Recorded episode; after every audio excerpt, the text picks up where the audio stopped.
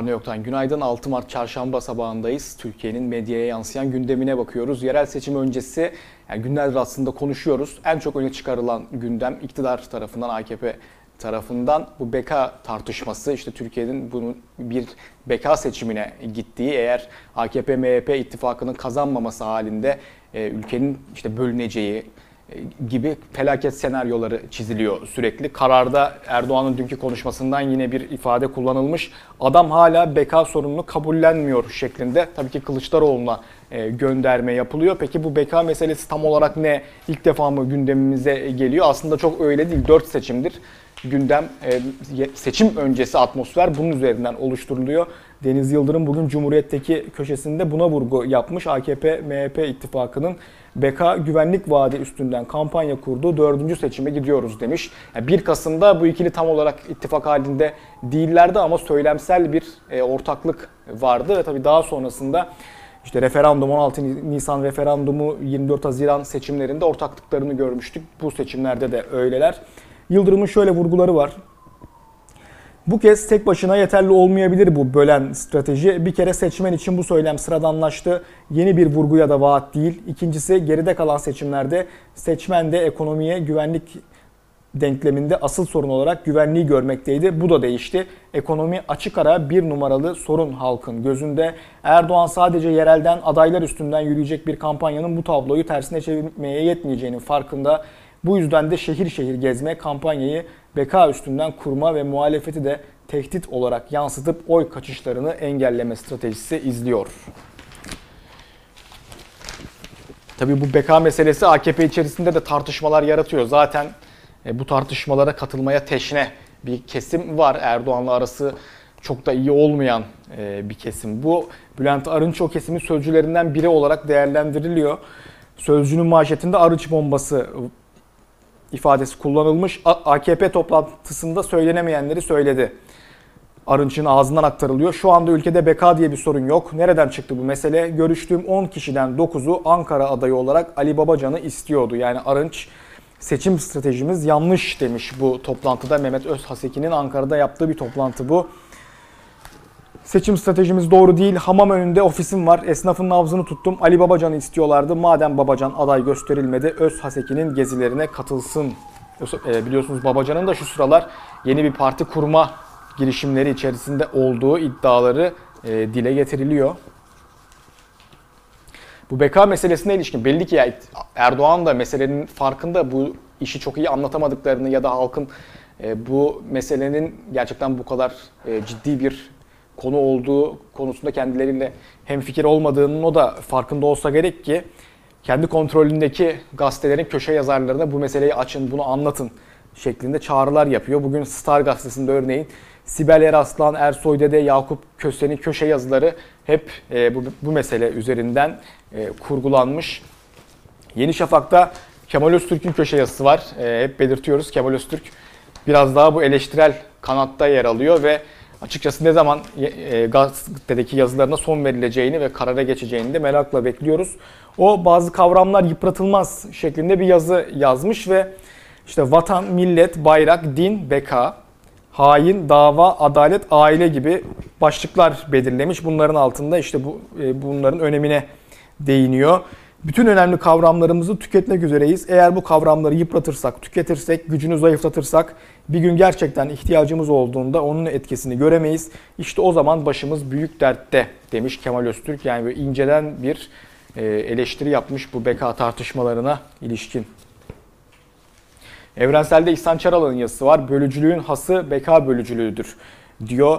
E, Çaralan bir kere bütün bu tartışmaların en başından beri AKP-MHP ittifakı tarafından özgürlüklerin tasfiyesinin gerekçesi yapıldığını e, ifade etmiş ve bu söylemin de sadece bu seçim öncesi kullanılan bir işte kavram olmakla sınırlı olmadığını, seçimlerden sonra da kullanılmaya devam edileceğini, bu politikanın, bu özgürlüklerin özgürlükleri tasfiye etmenin gerekçesi yapılan bu politikaların devam edeceğini e, belirtiyor ve bununla birlikte başka bir tehlikeye daha dikkat çekiyor. Aslında halk içerisinde bölücülük yapmanın da dayanağı haline geldiğini ifade ediyor Çaralan.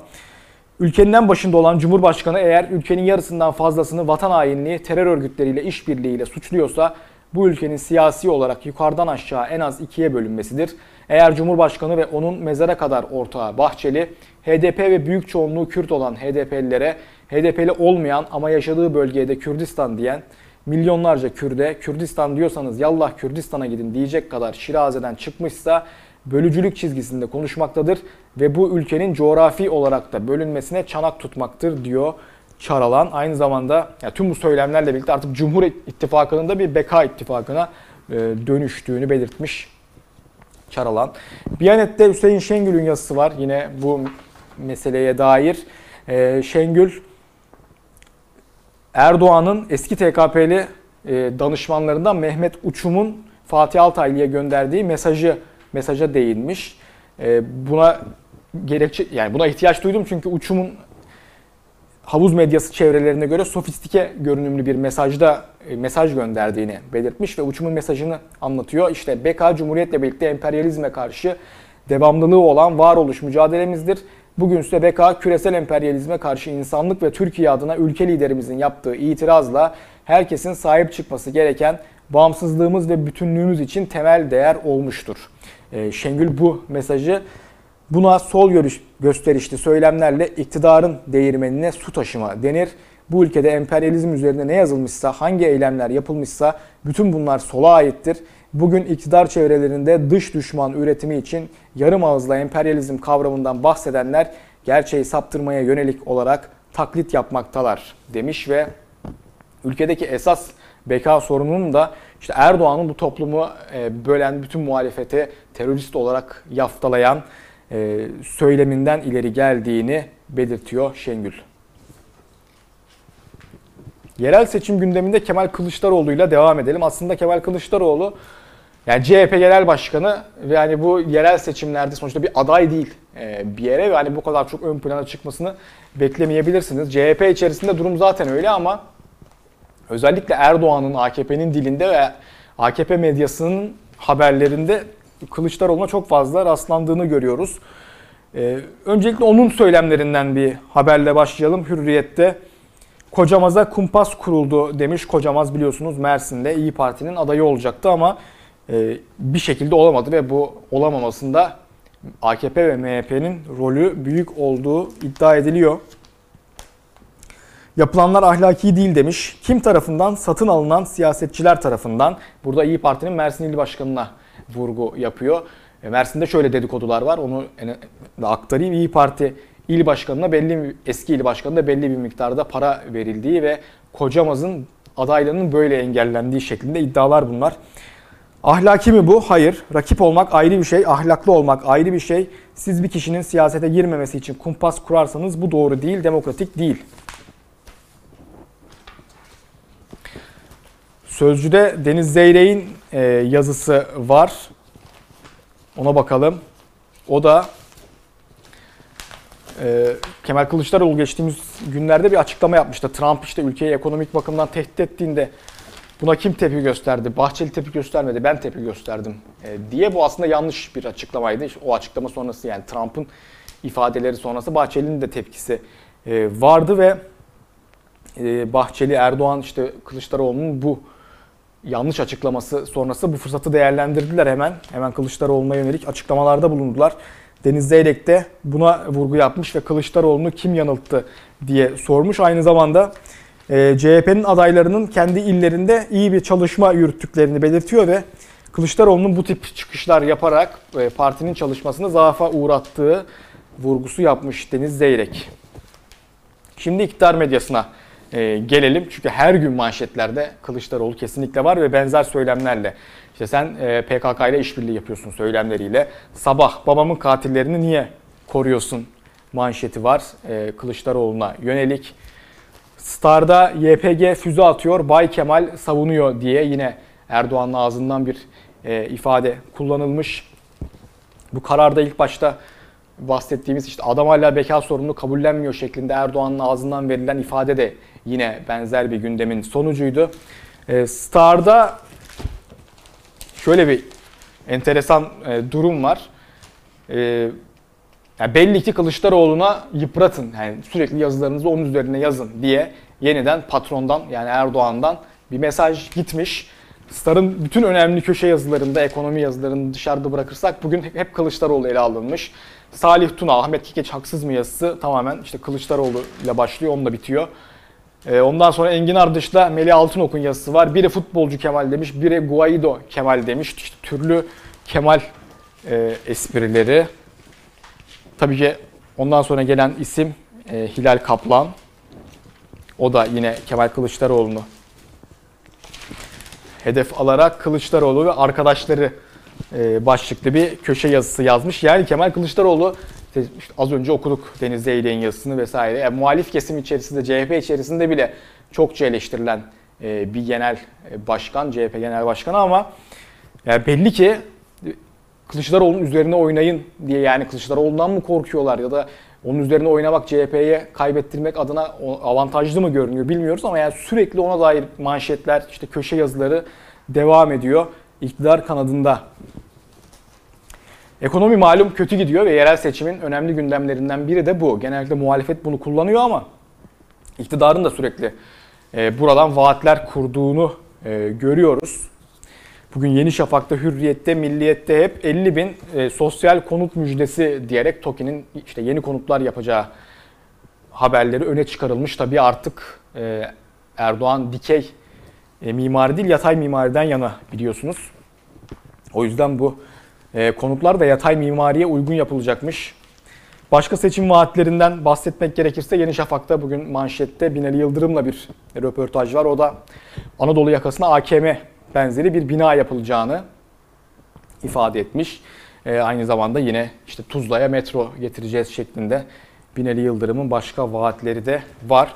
E, muhalefet kanadında da benzer söylemler var. Cumhuriyet'te Ekrem İmamoğlu'yla e, konuşulmuş. O sosyal yardımlar artacak, insana hizmetten tasarruf edilmeyecek demiş.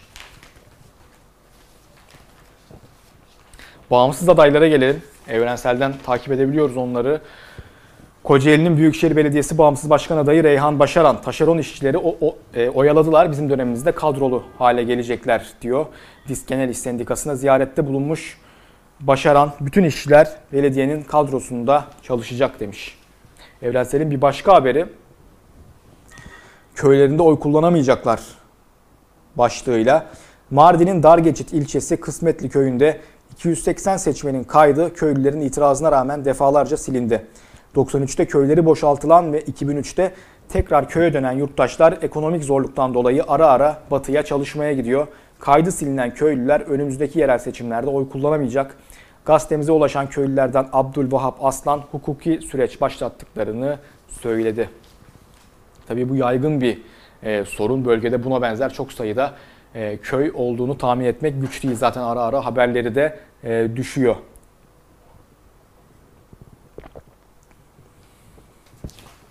Bölgeyle devam edelim. E, Yeni Yaşam gazetesinde HDP genel başkanı Pervin Buldan'ın açıklamaları var. Kayyımlara yönelik geldikleri yere gidecekler diyor. Seçimleri bölgedeki seçimleri kazanacağız ve kayyımlar gidecek. Buldan böyle diyor. E, altta da yine köylerde HDP coşkusu e, diyerek paylaşılmış bir fotoğraf var. Önde kadınlar e, yürüyorlar. Milli Gazete, Saadet Partisi'ne yakın bir gazete biliyorsunuz ve işte o da sürmanşetinde dev iltihak diye e, Beşiri'de Saadet'e binlerce kişi katıldı şeklinde. İşte Raşkotan aşireti lideri, lideri Sayit Karabulut aynı zamanda eski belediye başkanıymış. 5000'e yakın aşiret üyesiyle birlikte AKP'den istifa ederek Saadet Partisi'ne e, katılmış. Tabii bu tip geçişler yaşanıyor. E, bölgede özellikle böyle aşiret e, geçişlerinin sık sık yaşandığını e, görüyoruz ama e, yani Milli Gazete'yi okuyan birisi de açıkçası şöyle düşünebilir. Yani bu seçimlerde AKP çok büyük yara alacak. Saadet Partisi AKP'yi yarıp geçecek şeklinde biraz haberlerinde o şey var ama referandum öncesi de e, genel seçimler öncesi de durum biraz böyleydi ama çok tablonun öyle gerçekleşmediğini de görmüştük. E, ama Milli Gazete hakikaten bu açıdan yani bu şeyi bu, bu coşkuyu biraz abartıyor. E, Saadet Partisi coşkusunu onu da söylemek gerekiyor. Gezi davasının iddianamesi kabul edildi. Skandallarla dolu bir iddianame. Dün de değinmiştik. E, bugün ona dair haberler, e, köşe yazıları, değerlendirmeler yine var. E, Cumhuriyet'te iddianamenin FETÖ'cü polisler tarafından FETÖ'cü şahitlerle hazırlandığı hatırlatılıyor. Aynı zamanda arı, e, arı haritası delil ifadesi de birinci sayfadaki haberde kullanılmış. Bu mesele Osman Kavala'nın telefonundan bir haritaya ulaşıyorlar. O da işte Orta Doğu'daki arı ırklarını e, gösteren bir harita. Tabii buna göre haritanın belli tarafları e, bölünmüş durumda. Çünkü siyasi harita değil o. Yani arıların, bal arılarının ırklarına göre yapılmış bir e, sınıflandırma, ona göre hazırlanmış bir harita. Bunun işte bölücülük delili olarak iddianameye girmesi skandalı Cumhuriyet'in haberinde yer alıyor.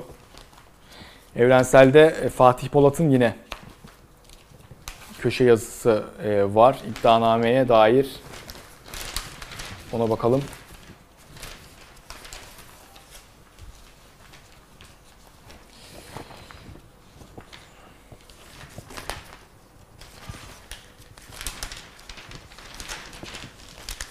Kararda Yıldıray Oğur'la devam edelim. Fatih Polat'a sonra e, döneceğiz.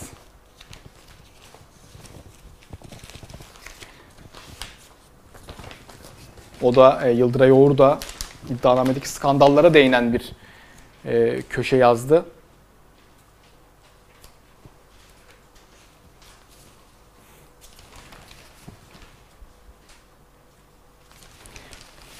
Hayır öyle anlaşılmamaktadır e, köşenin başlığı çünkü sürekli e, iddianamede işte anlaşılmıştır e, şeklinde vurgular e, var. Öncelikle o da iddianamenin FETÖ'cü polisler ve savcılar tarafından e, hazırlandığına hazırlandığına değiniyor ve 2015'te beraatle sonuçlanmış bir soruşturma 2019'da yeniden nasıl açılabil, açılabildi e, sorusunu soruyor.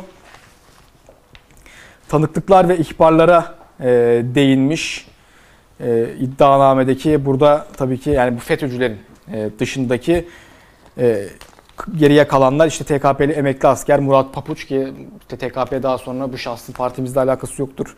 Akli dengesi yerinde değildir gibi açıklamalar e, yapmıştı.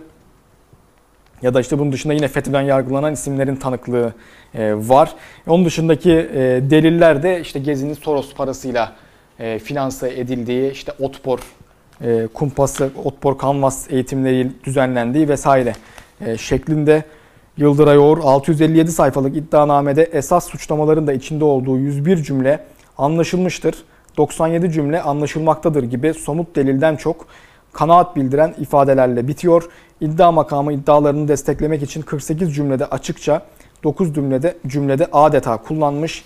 657 sayfa sonunda o iddialara o kadar anlaşılmıştır denemeyeceğini anlıyor insan demiş. Fatih Polat Gezi Savcısına ve iddianameyi e, kabul eden mahkemeye bir soru e, başlığını taşıyan bir yazı yazmış. O da Yıldıray Oğur'un yaptıklarına benzer vurgular yapıyor ve Meşrutiyet döneminden bugüne kadar Türkiye'de ve aynı zamanda iddianamede sıralanan diğer ülkelerde bu kadar yaygınlıkta sosyalist partiler, sendikalar, odalar, liberaller, ulusalcılar, çevre hareketleri, antikapitalist Müslümanlar, Kürt siyasi hareketi, işçiler, memurlar, İş çevreleri, doktorlar, mühendisler, mimarlar, müzisyenler, balerinler, sanatçılar, akademisyenler, yazarlar, çizerler, ressamlar, gazeteciler, kadın hareketleri, LGBTİ örgütleri, gençlik örgütleri, sporcular, taraftar grupları gibi daha önce yan yana gelmeyen çok farklı kesimleri para gücüyle bir araya getirebilmiş bir hareket e, var mıdır diye sormuş hakikaten. Yani bütün bu gezi katılımcıları ki bak bunda da sınırlı değil okurken insanın nefesi yetmiyor. E, ama iddianamede yani bu komik iddianamede Bunların hepsi bir şekilde kendine yer bulabilmiş. E, Hürriyet'te Ertuğrul Özkök o da arılar e, ülkeyi bölerse demiş ve işte az önce yaptığımız iddianamedeki o skandala e, vurgu yapıyor. O iddianamenin saçmalığı ağzımızı e, kuruttu. Gazete Duvar'da Kemal Can'ın yazısı var. O da ısmarlama dava, davaları kim kazanır diyerek bu Gezi davasının Tayyip Erdoğan tarafından ısmarlanmış bir dava olduğunu belirtiyor. Ve işte adam istedi davaları diyor bunlara. Adam istediği davaları sadece verilecek cezalarla yetinilmeyen bir talep içeriyor. Suç ve suçluyu ihtiyaç duyulan hesap sorma ve intikama uygun biçimde tarif etme, tıpkı adam kazandı durumu için tatmin edici bir rakama ihtiyaç duyulması gibi her zorlama güç gösterisinin aynı zamanda bir çaresizlik itirafı olması yüzünden adam istedi davaları asla adam kazandı diye sonuçlanmayacak demiş. Artı gerçekte Ayşe Yıldırım'ın yazısı var. O da biz bu tür iddianameleri daha önce de gördük. Hatta öyle ki iddianamenin e, sonlarına doğru telefon konuşmalarında yapılan geyikler bile yazılmış. Amaç bir suç, suç çıkarmak filan da değil. Basit bir insanları birbirine düşürme gayreti. Hukukla filan yakından uzaktan ilgisi olmayan mide bulandırıcı hareketler diyor.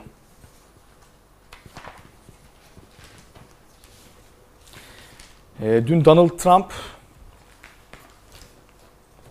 e, Türkiye'ye yönelik yani yaptırım olarak da nitelendirilebilecek bir e, karar aldı ve Türkiye'yi gelişmekte olan ülkeler e, statüsünden e, çıkardı. Bu da tabii belli işte gümrük muafiyeti sağlayan anla, e, anlaşmalardan Türkiye'nin muaf hale gelmesi anlamına geliyor. E, karar ayıp oluyor Trump manşeti atmış. Rahip Brunson'ın ABD'ye dönmesi sonrası Ankara ile Washington arasında oluşan bahar havası ekonomiye yansıdı. Liderler 75 milyar dolarlık ticaret hedefinde mutabık kaldı ancak Trump Türkiye'yi ayrıcalıklı ticaret pro- programından çıkaracağız çıkışıyla mutabakatı bozunca Ankara'dan tepki geldi. Aydınlık ABD şantajına karşı somut adımlar atılsın manşetini atmış. O da bu meseleyle ilgili. Yeni Yaşam'da Ankara'ya ikili pres manşeti var. Rusya'dan S-400 füzeleri, füze savunma sistemi alacak olan Ankara'ya ABD'nin baskısı arttı. Ağır sonuçları olur diyen Washington Türkiye'ye gümrük muafiyetinde kaldırdı. Rusya ise İdlib üzerinden Türkiye üzerinde baskı kuruyor. Yeni Yaşam'ın manşeti. Meselenin sadece ABD'den ibaret olmadığı yönünde. E, Gazete Duvar'da iki yazı var. Müftan Sağlam'ın yazısı Trump'ın Türkiye'ye kararı ekonomik değil politik şeklinde Türkiye ile ABD arasındaki ilişkilere en çok etki eden e, en önemli iki başlık Rusya'dan alınacak olan S-400'ler ve ABD'nin teslim edeceği F-35'ler. Ancak Türkiye'nin bir NATO üyesi olarak Rusya'dan savunma sistemi alma girişimi başından beri ABD tarafından sıcak karşılanmıyor.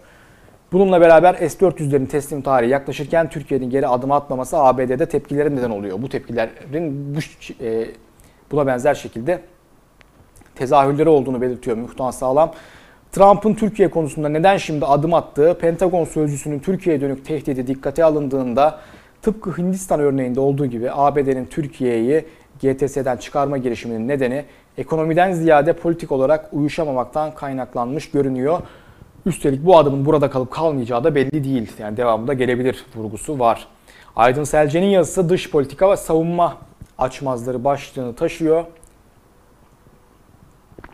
O da benzer e, meselelere değinmiş ve en sonunda da Erkan Can'ın Gemide filmine den e, bir öykünme yapıyor. Para diyorsun kasa boş, uçak yapalım diyorsun motoru yok. Uçak gemisi alalım diyorsun, uçak yok. Füze alalım diyorsun, radar yok. Denizde gaz bulayım diyorsun, gemi bakımda. Suriye'ye girelim diyorsun. Hem ABD hem Rusya karşında. Sen söyle şimdi Kamil ne yaparlar bize? E, iki filmdeki asıl repliği kullanmamış Aydın Selcen. Cumhuriyet ile devam edelim. Manşetinde sözcü savcısı sabıkalı çıktı. Terfi üstüne terfi alan Asım Ekren haksız menfaatten hüküm giymiş, giymiş deniliyor. Sözcü davasının ilk iddianamesini hazırlayan ve bazı gazetecilerin kahraman ilan ettiği savcı Asım Ekren'in 2002'de çocuğun nitelikli cinsel istismarı dosyasında şüphelilerden haksız menfaat temin etme suçundan 10 ay hapis ve para cezasına çarptırıldığı ortaya çıktı. Kesinleşen hükme rağmen terfiler alan Ekren, Büyükçekmece Cumhuriyet Başsavcılığına kadar yükseldi ancak bir gün sonra Bölge Adliye Mahkemesi'ne gönderildi. Ekren, çocuk evliliği ve kadına şiddeti öven Nurettin Yıldız hakkında takipsizlik vermişti. Yine bir başka önemli manşet, evrenselde hayati uyarı şeklinde Seçim öncesi şovla açılan Pamukova ve Ankara'daki yüksek hızlı tren kazalarını hatırlatan BTS Genel Başkanı Hasan Bektaş, Marmaray'da var olan eksikliklere rağmen Gebzeli Halkalı hattının açılmasının ileride bir faciaya neden olabileceğini söylüyor. Bu da gözden kaçmaması gereken önemli bir haber, önemli bir açıklama. Son olarak bir günün manşetine bakalım. Yurttaşın cebinden müteahhide köprü. Köprülerden geçen araç sayısı artmasına rağmen garanti edilen sayıya ulaşılamadı. Buna dövizdeki yükseliş de eklenince şirketlere akan para azalmadı. CHP'li Akar Erdoğan'a onun sözleriyle seslendi. Milletin parasını kime ödüyorsun? Nurcan Gökdemir'in haberi bu da e, bir günün manşeti önemli bir yani sürekli karşımıza çıkan önemli gündemlerden biri o yüzden gözden kaçmaması gerekiyor. Ne var ne yoktan bugünlük bu kadar. Yarın yeniden aynı saatte görüşmek üzere. Hoşçakalın.